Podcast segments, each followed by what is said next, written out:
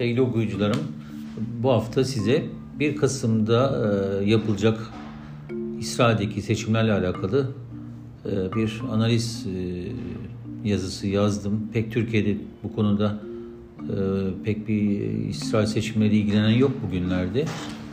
Ama 1 Kasım aslında önemli bir seçim günü. E, seçim sonuçları e, bütün bölgeyi hatta Türkiye-İsrail ilişkilerinde e, etkileyebilir diye düşündüm. E, yazıma 16 Haziran 2021'de yaklaşık işte 16-17 ay evvel yeni kurulan hükümet ertesinde başlı, yazdığım bir yazının bir kısmıyla başlıyorum. Şöyle demişim. İçerideki ekonomik ve siyasi hoşnutsuzluğun, kutuplaşmanın ve ayrışmanın ülkenin güvenliğini tehlike attığı ön kabulünden hareket eden 8 benzemez sonuç olarak ortak bir imza atarak Netanyahu şimdilik muhalefete fırlatarak büyük bir değişimin öncüsü oldular diyelim.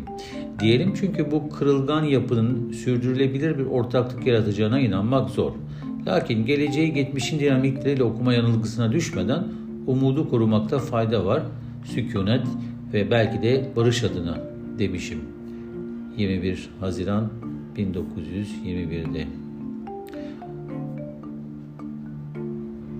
Bu satırları İsrail'de seçimlerden sonra kurulan Benjamin Netanyahu ve partisi Likud'un çok uzun aradan sonra hükümet dışı kalıp 8 benzemesin koalisyon kurmasının ertesinde yazmıştım. Ve görüldüğü gibi umuda rağmen öngörüm maalesef doğru çıkar ve çok ince bir dengede icraat yapmaya çalışan Yair Lapid hükümeti Netanyahu'nun koalisyon içindeki bir vekili ayarlamasıyla 12 aya 12 ay dayanır. Şimdi 1 Kasım'da İsrail son 3,5 senede 5. kez genel seçimlere gidiyor. İşsizliği %3,5'lar gibi çok düşük, enflasyonu dünya ortalamasının çok altında %4,5 olan ve Amerikan doları karşısında son 10 senede parası değer kazanan tek ülke olan İsrail, anlaşılmaz derecede kırılmış, parçalara bölünmüş, siyaset ile kutuplaşmış toplum arenasında belki de Netanyahu karizmasının başarısı, yaratıcılığı ve hatta yıkıcılığı nedeniyle siyasette istikrarı sağlamakta kabiliyetsizlik gösteren bir ülke olarak tarihe geçiyor 22. yüzyılın ilk çeyreği yıllarında.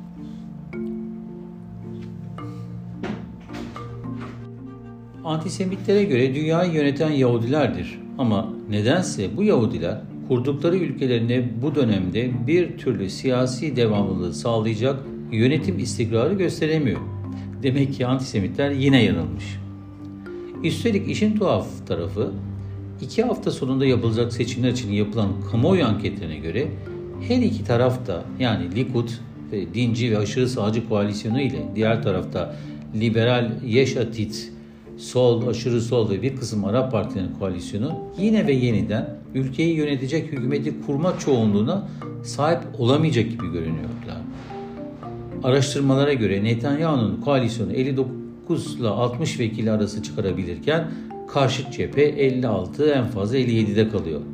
Salt çoğunluk için gerekli olan vekil sayısı 61. Yani son 3,5 senede 5. seçimlere gidilecek ve belki de yine bu seçimler sonuçsuz olacak.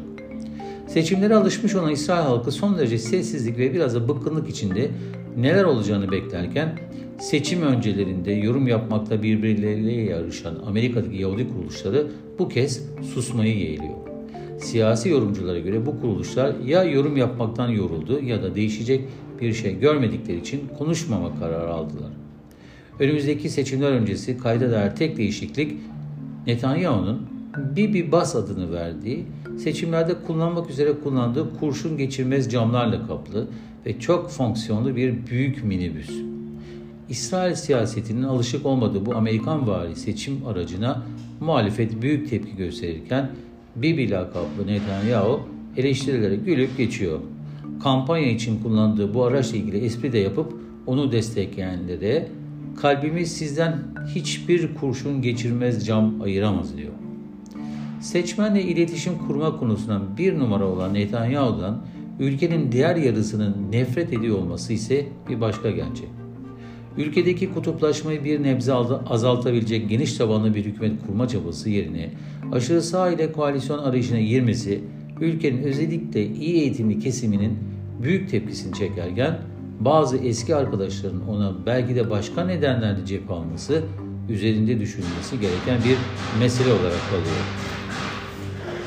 Seküler okullarda verilen matematik ve İngilizce eğitiminin ülkenin gelişine bir katkısı olmadığını ileri sürecek kadar gerçeklikten kopmuş bir din adamının başkanı olduğu partiyle birlikte yürümesi gerçekten anlaşılır gibi değil. 1996, 1999 ve 2009-2021 yıllar arasında toplam 15 yıl başbakanlık yapan Netanyahu, İsrail'de bu görevi en uzun süreli yürüten siyasetçi sıfatını taşıyor ve şimdi de üçüncü kez başbakan olmak için varını yoğunu ortaya koyuyor. Netanyahu'nun yıllar süren yolsuzluk davaları ise seçimler nedeniyle şimdilik yine rafa kalkmış durumda. Söz konusu davaların yıllar sonra hala bir sonuca ulaşamamış olmasını hukuki açıdan anlamak çok zor. Hukuk bir tehdit aracı olarak mı kullanılıyor yoksa hakimler karar mı veremiyor anlaşılır gibi değil. Lakin İsrail'in adalet sisteminin demokrasisinin yüksek normlarına sahip olduğu ve devletin kuruluşundan beri bu alanda son derece tarafsız olduğu ise bir başka gerçek. Seçim sonuçlarının Türkiye-İsrail ilişkileri nasıl etkileyeceği ise tam bir muamma. Kazanması zor görülen Lapid ve takımı hükümeti kurduğu takdirde ilişkilerde bahar havasının yaşanacağı neredeyse kesin gibi. Lakin kazanması daha büyük bir ihtimal olan Netanyahu ekibinin başa geçmesi durumunda ne olacağını kesirmek çok güç. Pragmatizmin galip gelip gelmeyeceğine hep birlikte tanık olacağız. Elimizdeki tek mutlak veri iki ülkenin cumhurbaşkanları ve dışişleri bakanlıkları arasında hali hazırdaki olumlu ve yapıcı bir diyaloğun mevcudiyeti. Bunun ötesini şimdiden görmek imkansız.